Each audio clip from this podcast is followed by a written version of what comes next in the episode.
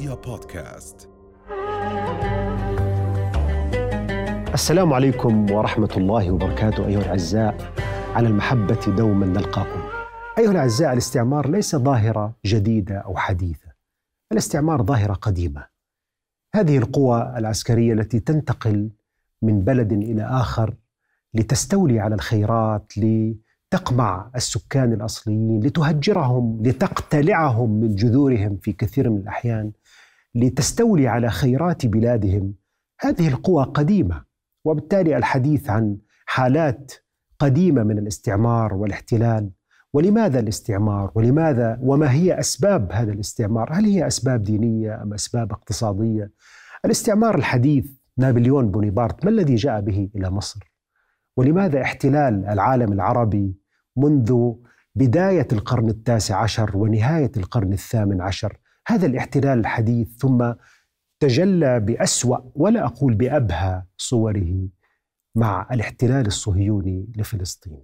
نريد أن نتوقف للحديث عن هذا الاستعمار في عصرنا الراهن ثم لنتوقف في نهاية المطاف عند قضية أيضا لا تقل أهمية عن مشكلة الاستعمار وهي أدب التحرير وأدب المقاومة. كل هذا وكل هذه المواضيع ستكون اليوم مدار حديثنا مع الدكتور تيسير عودة أستاذ الأدب المقارن في جامعة عمان الأهلية. دكتور تيسير أهلا وسهلا. أهلا وسهلا. الموضوع غريب الحقيقة وربما البعض يستغرب ما علاقة يعني ساعة المحبة بالاستعمار والأدب وتثقيف العقل والقلب. أعتقد يعني في صلة وثيقة جدا. الأديب يمكن هو هذه الشخصية المؤهلة جدا لأن تخوض في هذه المساحة بين العقل والوجدان. ربما هي بداية مختلفة قليلا. لكن دكتور تيسير هذا الدور دور الأديب قبل أن نخوض يعني ربما بتعريف الاستعمار وعلاقته بالإمبريالية كل هذه المصطلحات.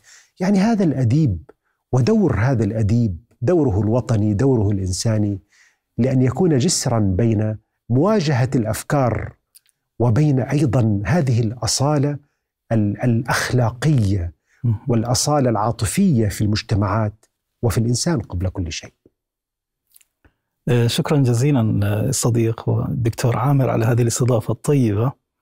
آه، لا, لا شك أن هذا سؤال كبير يعني لو أردنا أن نتحدث عن الأديب أو الكاتب نحن بالضرورة نتحدث عن المثقف. وهنا نتحدث عن دور المثقف. بعبارة أخرى كما يذكرنا أنطونيو جرامشي بأن لكل شخص بوصفه مواطنا دور ثقافي أو دور اجتماعي منوط به ولكن ليس كل شخص يمكن أن يكون مثقفا لأن المثقف هو الشخص القادر على فرك أنف الثقافة في وحل السياسة. هو القادر على آه، بمعنى آخر رمي آه، الحجر في الماء الآسن. هو القادر على أن يستفز وجدان الجماهير آه، ليس من باب الاستفزاز ولكن من باب آه، زيادة الوعي من باب إماطة اللثام عن المناطق المظلمة في التاريخ وفي الوجود وفي علاقة الإنسان مع الآخر وفي علاقته مع مراكز القوة أو مراكز السلطة. بمعنى آخر أن المثقف هو نافذة يطل من خلالها الإنسان على آه، شكل من أشكال الوعي الإنساني، على شكل من أشكال التعريف أو معرفة التاريخ، التاريخ والوعي الإنساني على طريقة آه، لوكش مثلا، نحن كلنا مطالبون بإعادة فهم الذات، الذات العربية، الذات الإسلامية أو الذات التي تسمى باللا أوروبية يعني على طريقة المستشرقين لإعادة النظر في تلك الزوايا المهملة. من فهم هذه الذات في علاقتها ليس فقط مع الآخر في تشييئها وفي تسليعها جميل. وفي استلابها. يعني هون دكتور تيسير سنعود إلى موضوع المثقف والأديب ودوره يعني النضالي في مواجهة الاستعمار والاحتلال. ولكن دعنا نعود إلى العنوان الرئيسي الاستعمار الحديث وما العلاقة بين هذا الاستعمار الحديث والاستعمار القديم؟ أو إن شئنا أن نميز ما الفرق هل هو فرق زمني أم أن الاستعمار أيضا لديه الاستعمار الحديث في فوارق في طبيعة ربما الاحتلال، طبيعة الاستيلاب، طبيعه هل ربما هناك فارق معين وقبل ذلك ما هو تعريف الاستعمار؟ حقيقة يعني قبل أن أبدأ بهذا التعريف والذي يبدو اشكاليا لدى بعض المنظرين عن الإمبريالية والاستعمار، أريد أن أضرب مثلا يعني واضحا للناس يعرفه الجميع. عندما هجمنا من قبل كوفيد 19 أو هذا الفيروس اللعين يعني كان لدى هذا الفيروس مقدرة عجيبة على التحول والتكيف بل مقاومة المصل. بمعنى آخر أن هذا الفيروس ذكي كفاية كي يقاوم آه، كل أشكال المضادات الحيوية أو المصل أو ما يعني يستجد من عقل الإنسان من اختراعات ومحاوله لمقاومة هذا الفيروس من خلال التقدم الإنساني والعلم إلا أننا فشلنا حتى آه، يعني لحظة متأخرة حتى يعني ثم عدنا آه، يعني من جديد آه،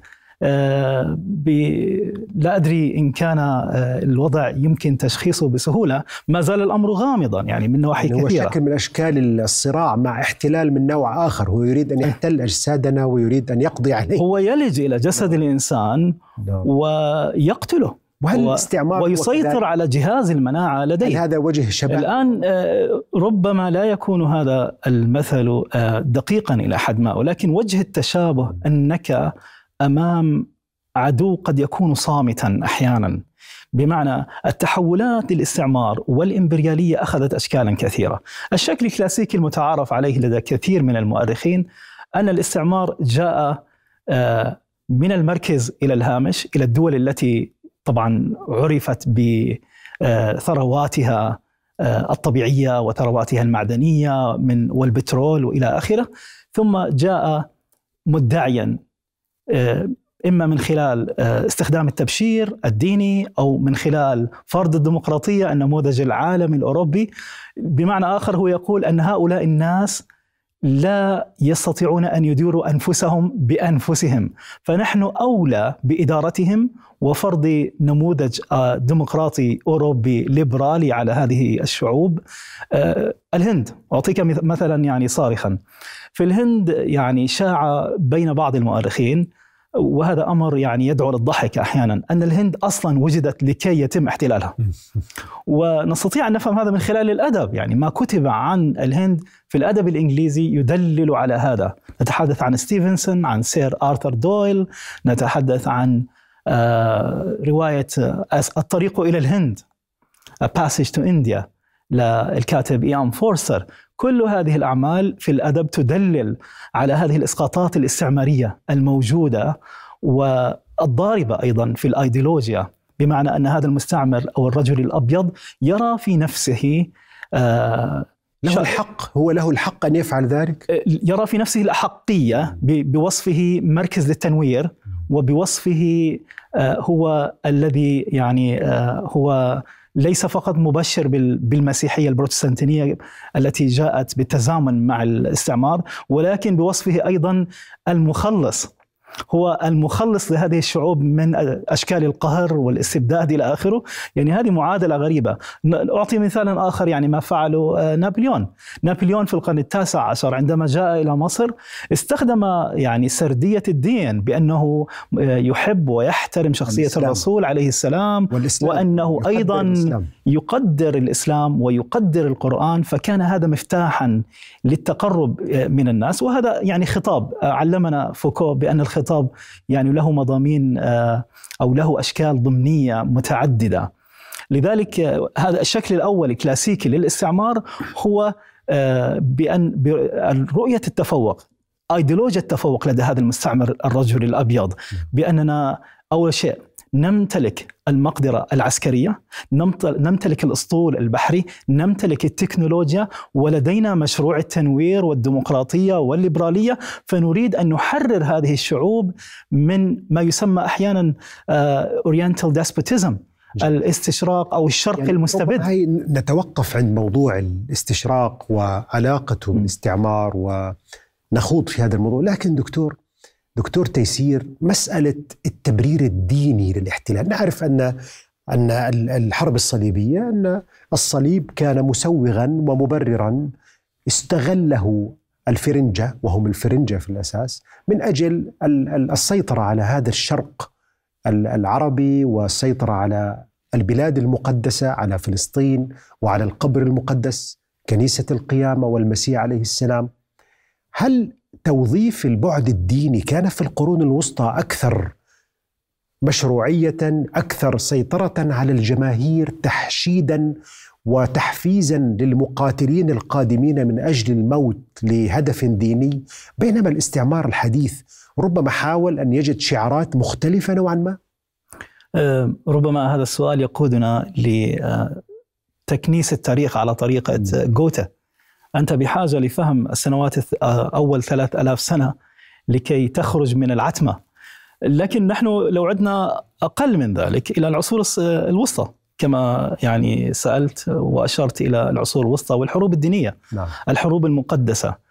لا ننسى أن التاريخ علمنا في السرديات الاستشراقية. على سبيل المثال يعني عرفت شخصية الرسول عليه السلام بوصفه ممثلا للإسلام بشخصية the Antichrist في أوروبا هو بعض الأوروبيين. نعم هو نعم. نقيض المسيح.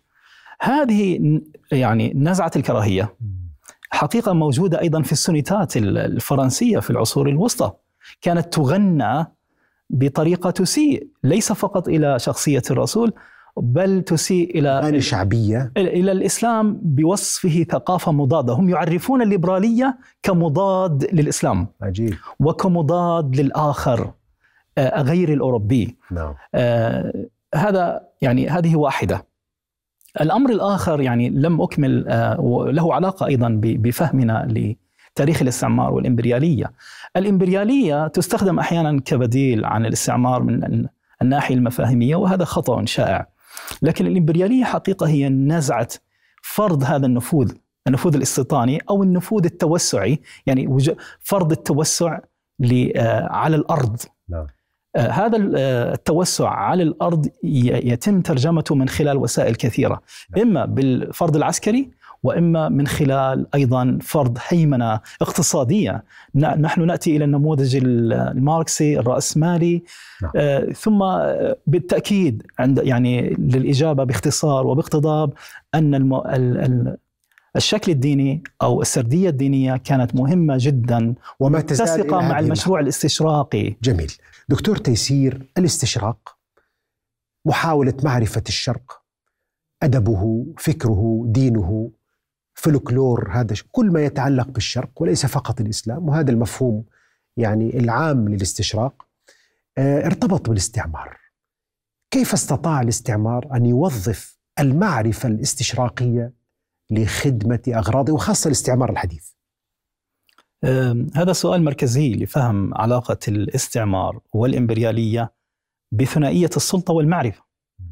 أه، لا شك أن الاستشراق ليس المنظار الوحيد لفهم الاستعمار وفهم علاقة المعرفة بالسلطة ولكنه منظار مهم جدا بل هو محور رئيسي لفهم أه، السردية أه، طبعا الجوهرية لفكرة الاستشراق أو عفوا لفكرة علاقة المعرفة بالسلطة. بمعنى آخر لابد أن نفهم من وجهة نظر إدوارد سعيد وما قبل إدوارد سعيد أنور عبد الملك وبعض المؤرخين والذين اشتغلوا على الاستشراق آه، لو انطلقنا من وجهة نظر إدوارد سعيد على سبيل المثال نرى أن الاستشراق آه، بوصفه آه، سردية ثقافية وأيضا آيديولوجية هي كانت متواطئة مع الاستعمار بمعنى هي مهدت لهذا الاستعمار كي يحقق مآربة على مستوى الاقتصاد، على مستوى الآيديولوجيا، على مستوى فرض الهيمنة الثقافية. آه، أعطي مثالا آخر يعني على الاستشراق. آه، لو أردنا فهم يعني نتحدث عن الاستشراق بوصفه المنتج الغربي كيف نظر الغرب إلى الشرق وكيف صوره. الغرب كما يقول بعضهم الشرق مهنة. يعني نرى برناند لويس يعني كان من آخر أو المستشرقين المتأخرين. يعني كان يروج لفكرة عنف الإسلام، العنف يعني بوصفه مكونا بنيويا للإسلام وللمسلمين. وهذا أيضا مهد لفكر الإرهاب و آه، ما يسمى بخطاب الإرهاب وخطاب التطرف على المقاطعة لكن فعلا فكرة مهمة جدا. يعني هذا التصوير والتزييف لأن الإسلام عنيف وديانة عنيفة هل يريد الاستعمار من خلال هذا التزييف أن يبرر قساوته وعنفه واضطهاده وظلمه؟ أنه مهما فعل فهو لن يكون كما هو الحال مع صورة الإسلام وبالتالي أو أن كل ما يفعله هو له ما يبرره في الجهة الأخرى في الإسلام أو لدى الشعوب الإسلامية. ما هي ما هي أهداف هذا التوصيف؟ لماذا لويس أو غيره حاول أو هؤلاء يعني تجار الإسلاموفوبيا دعنا نقول اليوم في أوروبا لماذا يصرون دكتور تيسير على إظهار أن الإسلام دين عنف؟ لماذا؟ أعتقد أن يعني حركة التاريخ تدلل على أن أول شيء التاريخ ديناميكي وليس ثابتا. بمعنى أن حركة التاريخ لا تسير بالمعنى الدارويني أو على طريقه داروين يعني التراتبية الداروينية. ولكن هنالك مركب اجتماعي ومركب سياسي معقد جدا لفهم علاقة الإسلام بأوروبا، هي علاقة ضاربة في التاريخ. لو عدنا إلى القرون الوسطى الحروب الصليبية، لو عدنا للمجازر التي حدثت في القدس ثم نأتي إلى عصر التنوير. يعني هنالك إشارات كثيرة في كتاب الكوميديا الإلهية دانتي. هذه الملحمة تصور أن شخصية الرسول وضعت في الدرك الأسفل من الجحيم في مرتبة لا أدري ربما تكون المرتبه الثامنة عمر بن الخطاب وعلي بن أبي طالب وضعوا أيضا في الجحيم. في المقابل وضعت بياتريس المومس في الجنة. هنالك يعني آيديولوجيا واضحة في قراءة دانتي مثلا للإسلام يعني وقراءته الغربي واعذرني يا دكتور. يعني الأديب الغربي لم يكن وهو رغم أنه دانتي يعني شخصية ليست سهلة أبدا يعني أدبيا ومن حيث إمكانياته الأدبية لكن هو كيف؟ يعني هل قام بذلك نتيجة معرفة؟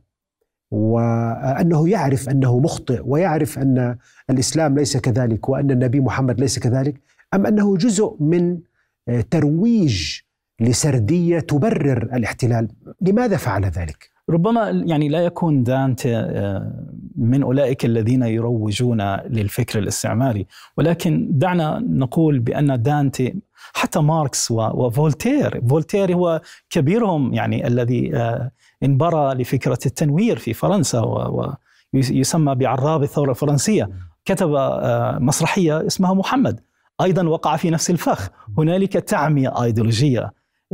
لكثير من هؤلاء. أعتقد أنهم لم يفهموا الإسلام ولم يعني جوتا على سبيل المثال كان مختلفا. يعني جوتا كان أقرب للسرديات الإسلامية أو لنقل كان متصالحا ومتسامحا أكثر من هؤلاء. من يقول أنه أسلم حتى. ربما هذه تكون أسطورة ولكن أعتقد أن ما يهمنا نحن كقراء أن نفهم طريقة فهم هؤلاء المفكرين للإسلام ليس بوصفه الآخر. نعم. ولكن السردية المركزية كانت بأن الإسلام وبأن العرب هم الآخر هم رمز البربرية والتخلف والرجعية. وهذا في حديثهم أيضا عن فكرة التقدم عن فكرة الحداثة.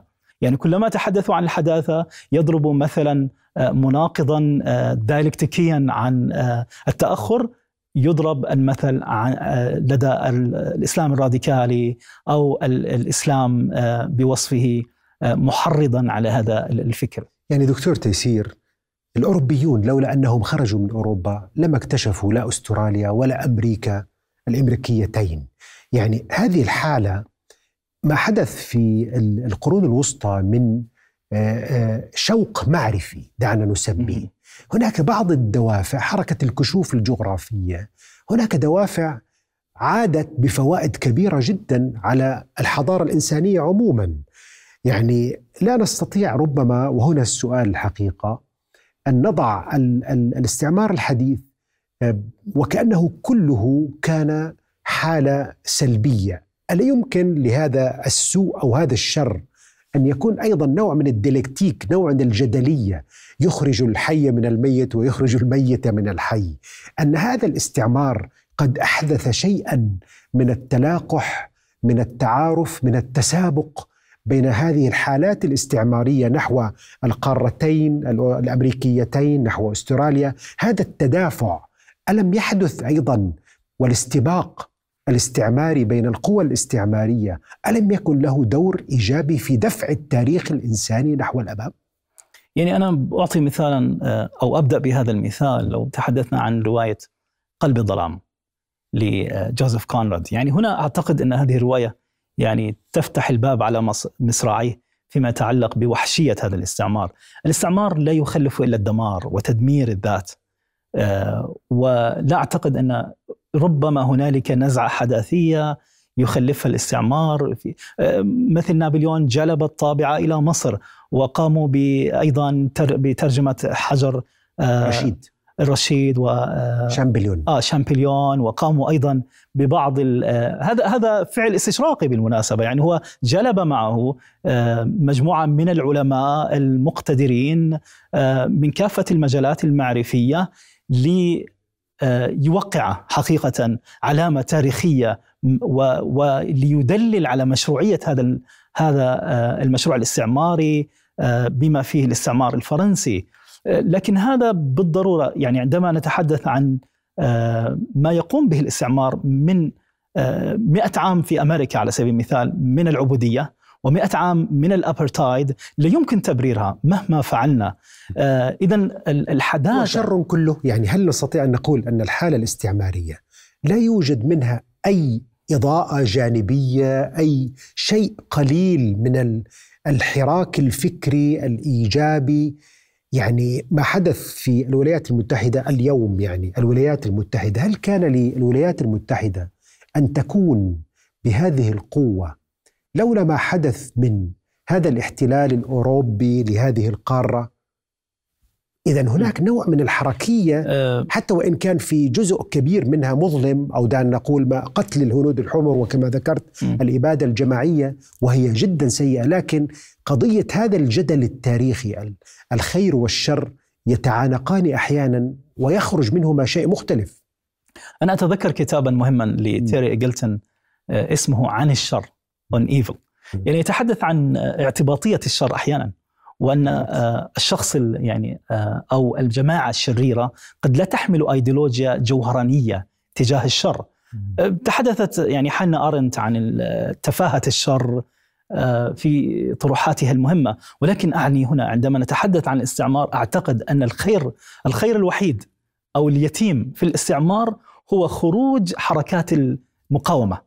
جميل. حركات المقاومة واستعادة الهويات المستعمرة لذاتها واستعادتها أيضا لفهم ذاتها بعد جميل. الاستعمار جميل. يعني ما حدث بعد الاستعمار يعيدنا لسرديات جديدة يعني كيف لنا أن نتعلم من هذا الإرث المرعب يعني فلذلك لو نظرنا إلى الهويات التي تشكلت ما بعد الاستعمار، ما بعد حركات الهجرة بعد الحرب العالمية الثانية، ملايين من البشر انتقلوا وارتحلوا من المناطق التي كانت محتلة بعد استقلالها ذهبت إلى المركز.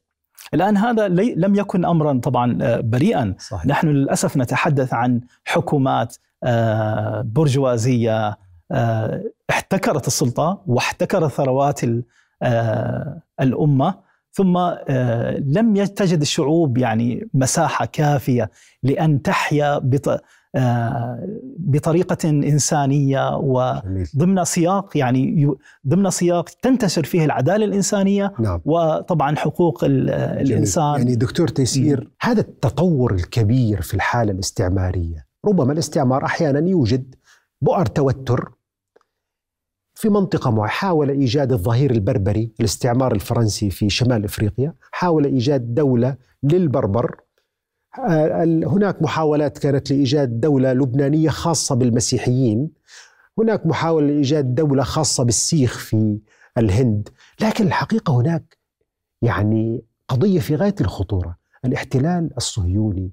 هذه الدولة التي تم انشائها من قبل أسوأ وأكبر استعمار في العالم الاستعمار البريطاني ما الذي أراده الاستعمار البريطاني من الصهيونية؟ وما الذي أرادته الصهيونية من الاستعمار البريطاني آه، لا شك أن دور بريطانيا في آه، الاستعمار الصهيوني لفلسطين يعني هو دور مركزي ولكنه ليس الدور الوحيد. آه، طبعا أكملت هذا الدور أمريكا والدول الأوروبية أيضا بالتعاون مع الدول الأوروبية وبالتك أيضا بالتواطؤ مع الأمم المتحدة، لا ننسى أن عندما صدر قرار الاعتراف بدولة إسرائيل كان مرهونا أيضا بقضيه اللاجئين والاعتراف أيضا بهم والرجوع والعودة. وعوده والعودة. لم يحدث هذا. اللي هو قرار 181 آه. أعتقد. بالضبط. نعم. لم يحدث هذا. آه لذلك الاتكاء على منظومة الأمم المتحدة وما يسمى بالمجتمع الدولي، البعض يشكك حتى في مصطلح المجتمع الدولي لأنه لا يبالي أصلا بقضية فلسطين. والتاريخ يثبت لنا هذا. آه بالنسبة للقضية الفلسطينية أعتقد أن يعني كجزء من المكون الاستعماري أن الصهيونية يعني هي لم تكن حركة آه لنقل آه متسقة مع ذاتها، هي هي تكللت وحدثت ضمن تراكمات كثيرة. يعني بدأت بقضايا الهجرة التمهيد لهجرة اليهود وحل ما يسمى بالمسألة اليهودية وترجمتها من خلال إيجاد هؤلاء الجماعات اليهودية من خلال وجود دولة دينية.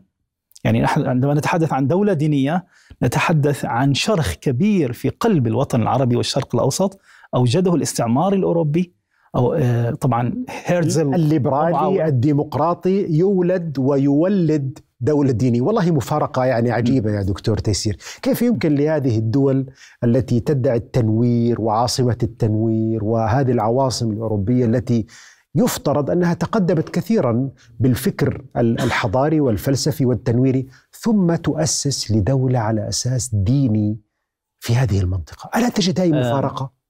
أنا الغريب أنني عندما نعم. درست يعني لأجيب على هذا السؤال عندما درست حياة الحياة الشخصية وشعر يهودا عامخاي هذا يعني من أكبر حقيقة شعراء الأدب الإسرائيلي أو الأدب الصهيوني. آه هذا الرجل يعني جاء قبل النكبة ولكنه يقدم نفسه دائما باعتباره الشخصية الليبرالية المتقدمة الحضارية ويعيد طروحات آه بنغوريان وطروحات الصهيونية من خلال الأدب.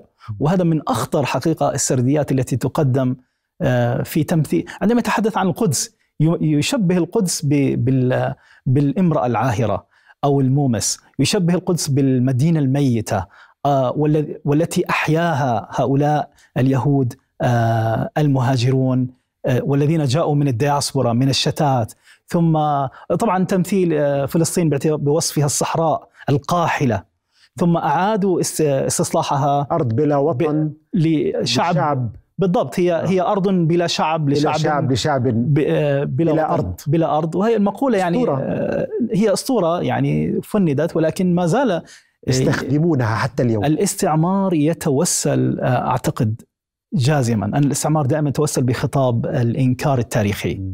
آه، الإنكار التاريخي يعني دائما عندما نتحدث حتى أن عامخاي يعني عندما تقرأ يهودا عامخاي تظن أنه لا يوجد شيء يسمى شعب فلسطيني في داخل القدس. عجيب. أو بين حتى أنه يسمي آه، مثلا يسمي المبكى حائط المبكى. حائط المبكى وهو البراق يعني نعم. يسمي يستخدم الألفاظ والمصطلحات اليهودية التوراتية. يعيد إنتاج التوراه من جديد آه، وتم إعادة أيضا إحياء اللغة العبرية. لا ننسى هذا مع ولادة آه، الكيان الصهيوني. دكتور يعني أعذرني. أين الأدباء الغربيون؟ يعني تكلمت عن المثقف ومسؤولية المثقف. المثقف يشبه إعصار يعيد ترتيب الحياة من جديد يعيد تعريف الأشياء من جديد. هذا المثقف الجذري المثقف صاحب النظرة الجذرية للأمور. ألا يوجد في الغرب من وقفوا مواقف شجاعة؟ كان لهم مبدأ أخلاقي مبدأ علمي لينتقدوا هذه هذا الاحتلال الغاشم؟ لا شك أن هناك الكثير من المثقفين الغربيين أو الأوروبيين الذين ينتصرون للقضيه الفلسطينية. ليس بوصفها القضية الفلسطينية أو قضية مرهونة بالفلسطينيين أو العرب بل لأنها قضية عدالة قضية إنسانية. عندما يعني هذا يحيلنا لدور المثقف. آه، أعطيك مثالا يعني جوديث باتلر هي يهودية المنشأ ولكن لها طروحات أخلاقية يعني تتحدث فيها عن طبعا آه، الاعتداء الذي يحدث في غزة وتتحدث فيها عن أيضا المكون الصهيوني وخطورة هذا المكون الصهيوني. لا ننسى آه، تشومسكي على سبيل نعم، المثال. نعم تشومسكي نعم تشومسكي لا ننسى أيضا آه، إيلان بابي وهو إسرائيلي الأصل لكنه آه، حقيقة انبرى للقضية الفلسطينية رغم يعني آه، البعض قد ينتقد إلى مبابي من زاوية أو أخرى لكنني أرى في أصوات هؤلاء يعني سردية مهمة جدا.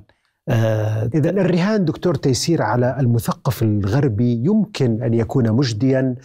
مخاطبة هذا المثقف تحريكه تحريك وجدانه مواقفه.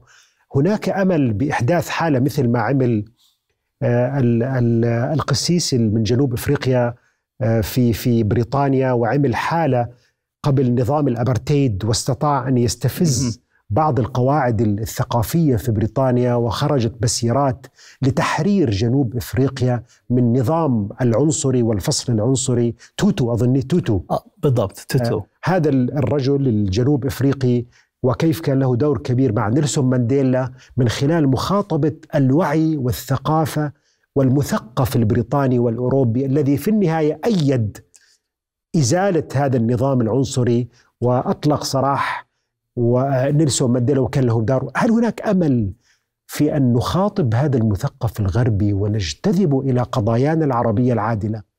أنا شخصيا أنا لا أراهن على يعني آه، المثقف آه، الأوروبي لأن آه، قضيتنا نحن الأولى بها. أيوه. يعني أبدأ بإدوارد سعيد عندما نتحدث عن غسان كنفاني محمود درويش إيميل حبيبي والشعراء الجدد أيضا نتحدث عن نماذج مضيئة في أدب المقاومة. طب دعنا نأخذ واحد واحد يعني مثلا أنت دكتور تيسير من هي الشخصية التي تشعر بأنها تمثل شخصية جذرية وأساسية للحديث عن أدب المقاومة في عالمنا العربي؟ أه، حقيقة يعني قد يبدو هذا مفاجئا للبعض أن يعني أنا شخصيا ربما أكون متحيزا. يعني أرى أن السردية الأولى طبعا هذا لا شك فيه هي سردية غسان كنفاني يعني هي يعني غسان كنفاني مثل أدب المقاومة كبداية. وطبعا آه، إدوارد سعيد شكل العمود الفقري للنموذج الثقافي المقاوم حقيقة للاستشراق والاستعمار بكل أشكاله وأيضا أعطى صورة مضيئة جدا قدم فلسطين على الساحة الدولية قدمها في الأدب وقدمها أيضا في السياسة واستطاع أن ينقل صوت فلسطين للعالم. في الوقت الذي يعني صمت فيه الكثيرون وفي الوقت الذي تم فيه آه، طبعا آه، اتفاقية أوسلو بال 93 يعني هي كانت ضربة موجعة للقضية الفلسطينية. فيها تنازلات كثيرة. آه، طبعا نتحدث عن كتاب فلسطينيين كثر. يعني ممكن لا يتسع المقام لذكرهم. لكن محمود درويش وإيميل حبيبي أيضا من الكتاب المهمين جدا. جميل. يعني دكتور تيسير أريد أن أتوقف عند نقطة ذكرتها أنت وهي نقطة مهمة. إدوارد سعيد الحقيقة. كنت في نقاش مع أحد يعني شخص مسؤول أمريكي. قال أن المشكلة بأن العرب والمسلمين في أمريكا ليس لهم ثقل وتأثير يؤثر على السياسة الخارجية الأمريكية. لم يحدثوا هذا التغيير المطلوب. إدوارد سعيد كان حالة مميزة في الولايات المتحدة تنادي بالحق الفلسطيني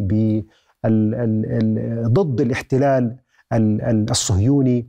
ولكن هل استطاع العرب والفلسطينيون الأمريكان الأوروبيون لماذا لم يكن لهم أيضا دور مهم في هذا النوع من النضال وأدب المقاومة؟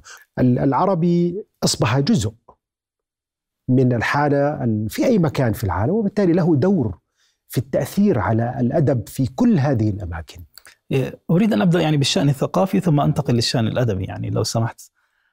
يعني عندما أتحدث عن المشروع آه، الثقافي التاريخي المؤرخين الفلسطينيين حقيقة لهم بصمة واضحة جدا. نتحدث عن وليد الخالدي رشيد الخالدي ولا ننسى المؤرخ الكبير الصديق نور مصالحة.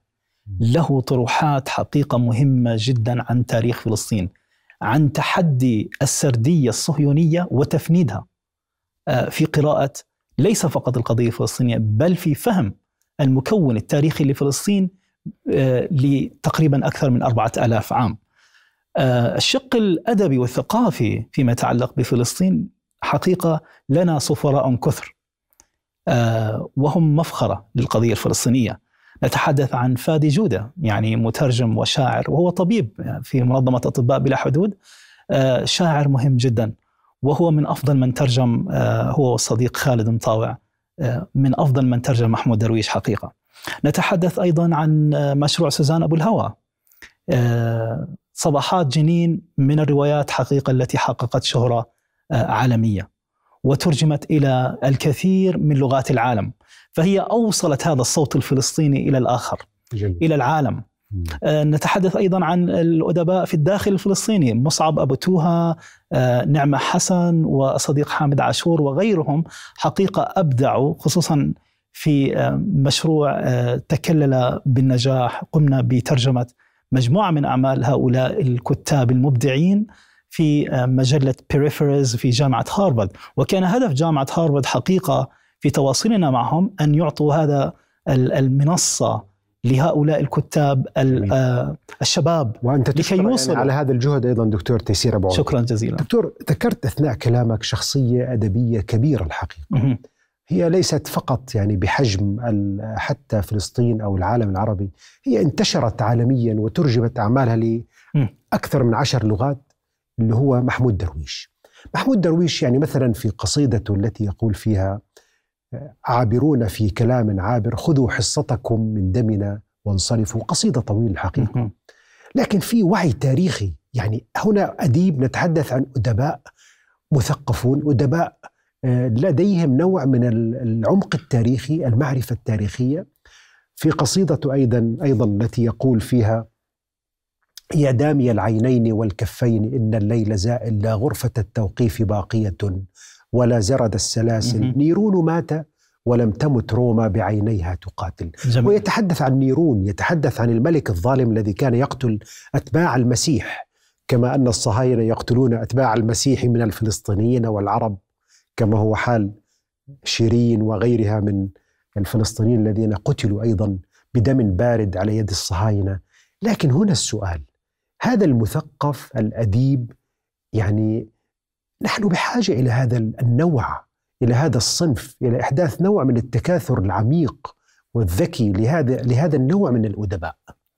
آه، بداية حتى لا نفهم خطأ يعني هنالك حساسية نقدية شعرية تجاه محمود درويش من بعض الكتاب لماذا؟ بأننا نختزل القضية الفلسطينية في محمود لكن محمود صوت مهم جدا حقيقة آه، سردية مهمة جدا فيما يتعلق بالقضية الفلسطينية وهو القائل أنقذونا من كل هذا الحب بمعنى هو يريد أن يشكك أيضا في مشروعه ليس كمشروع اختزل القضية الفلسطينية على المستوى النقدي والمستوى الشعري بل يفتح المجال للشباب والمبدعين أن يكملوا هذا المشوار بأصوات جديدة لا تسير في ظل محمود درويش بل تتحرر وتنعتق من هذا النموذج وتقدم نماذج جديدة، نماذج إبداعية، لأن القضية الفلسطينية بوصفها قضية عدالة وقضية متعلقة باستعمار يعني له أكثر من سبعة عقود يحاول أن يعيد إنتاج نفسه من جديد ويقدم ادبا أيضا. لا يستهان به، نتحدث عن يهوذا عامخاي، نتحدث عن عاموس وغيرهم،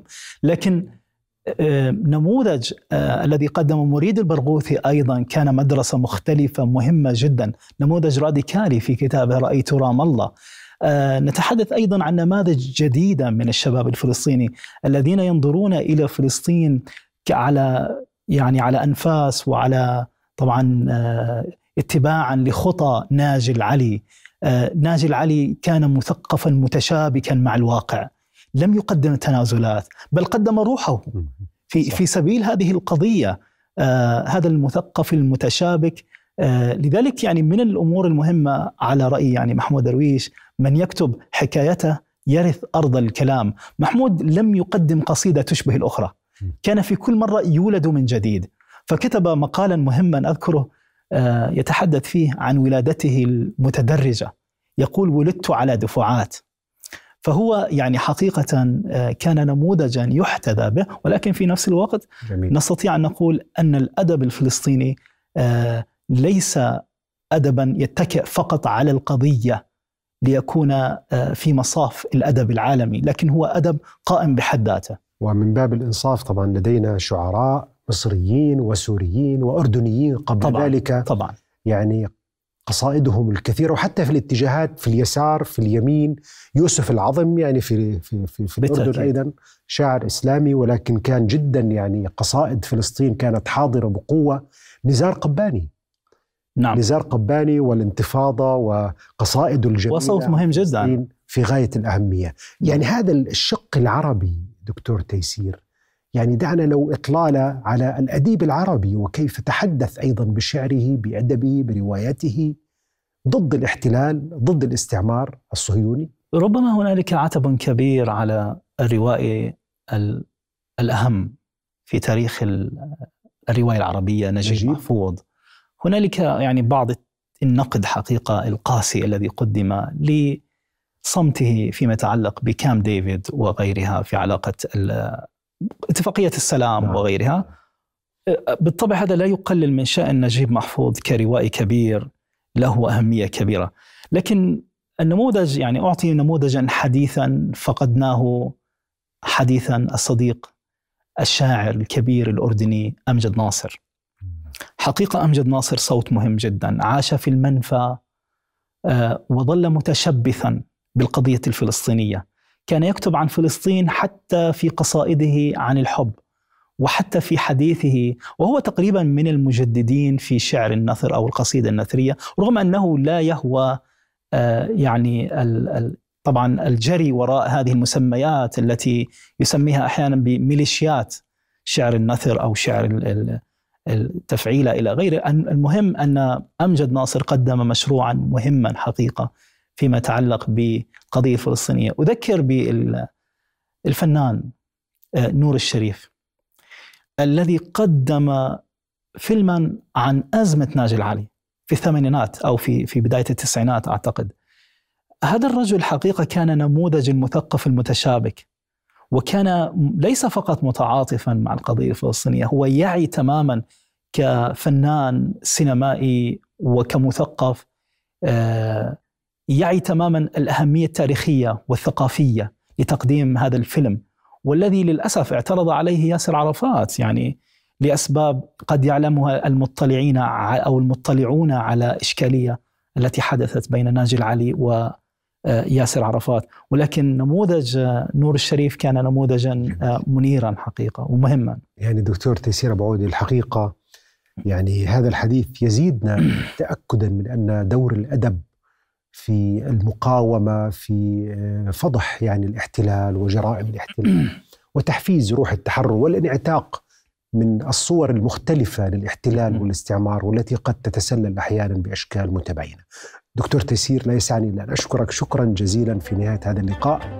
وأنتم أيها الاعزاء إلى أن نلقاكم في حلقة أخرى. استودعكم الله. رؤيا بودكاست.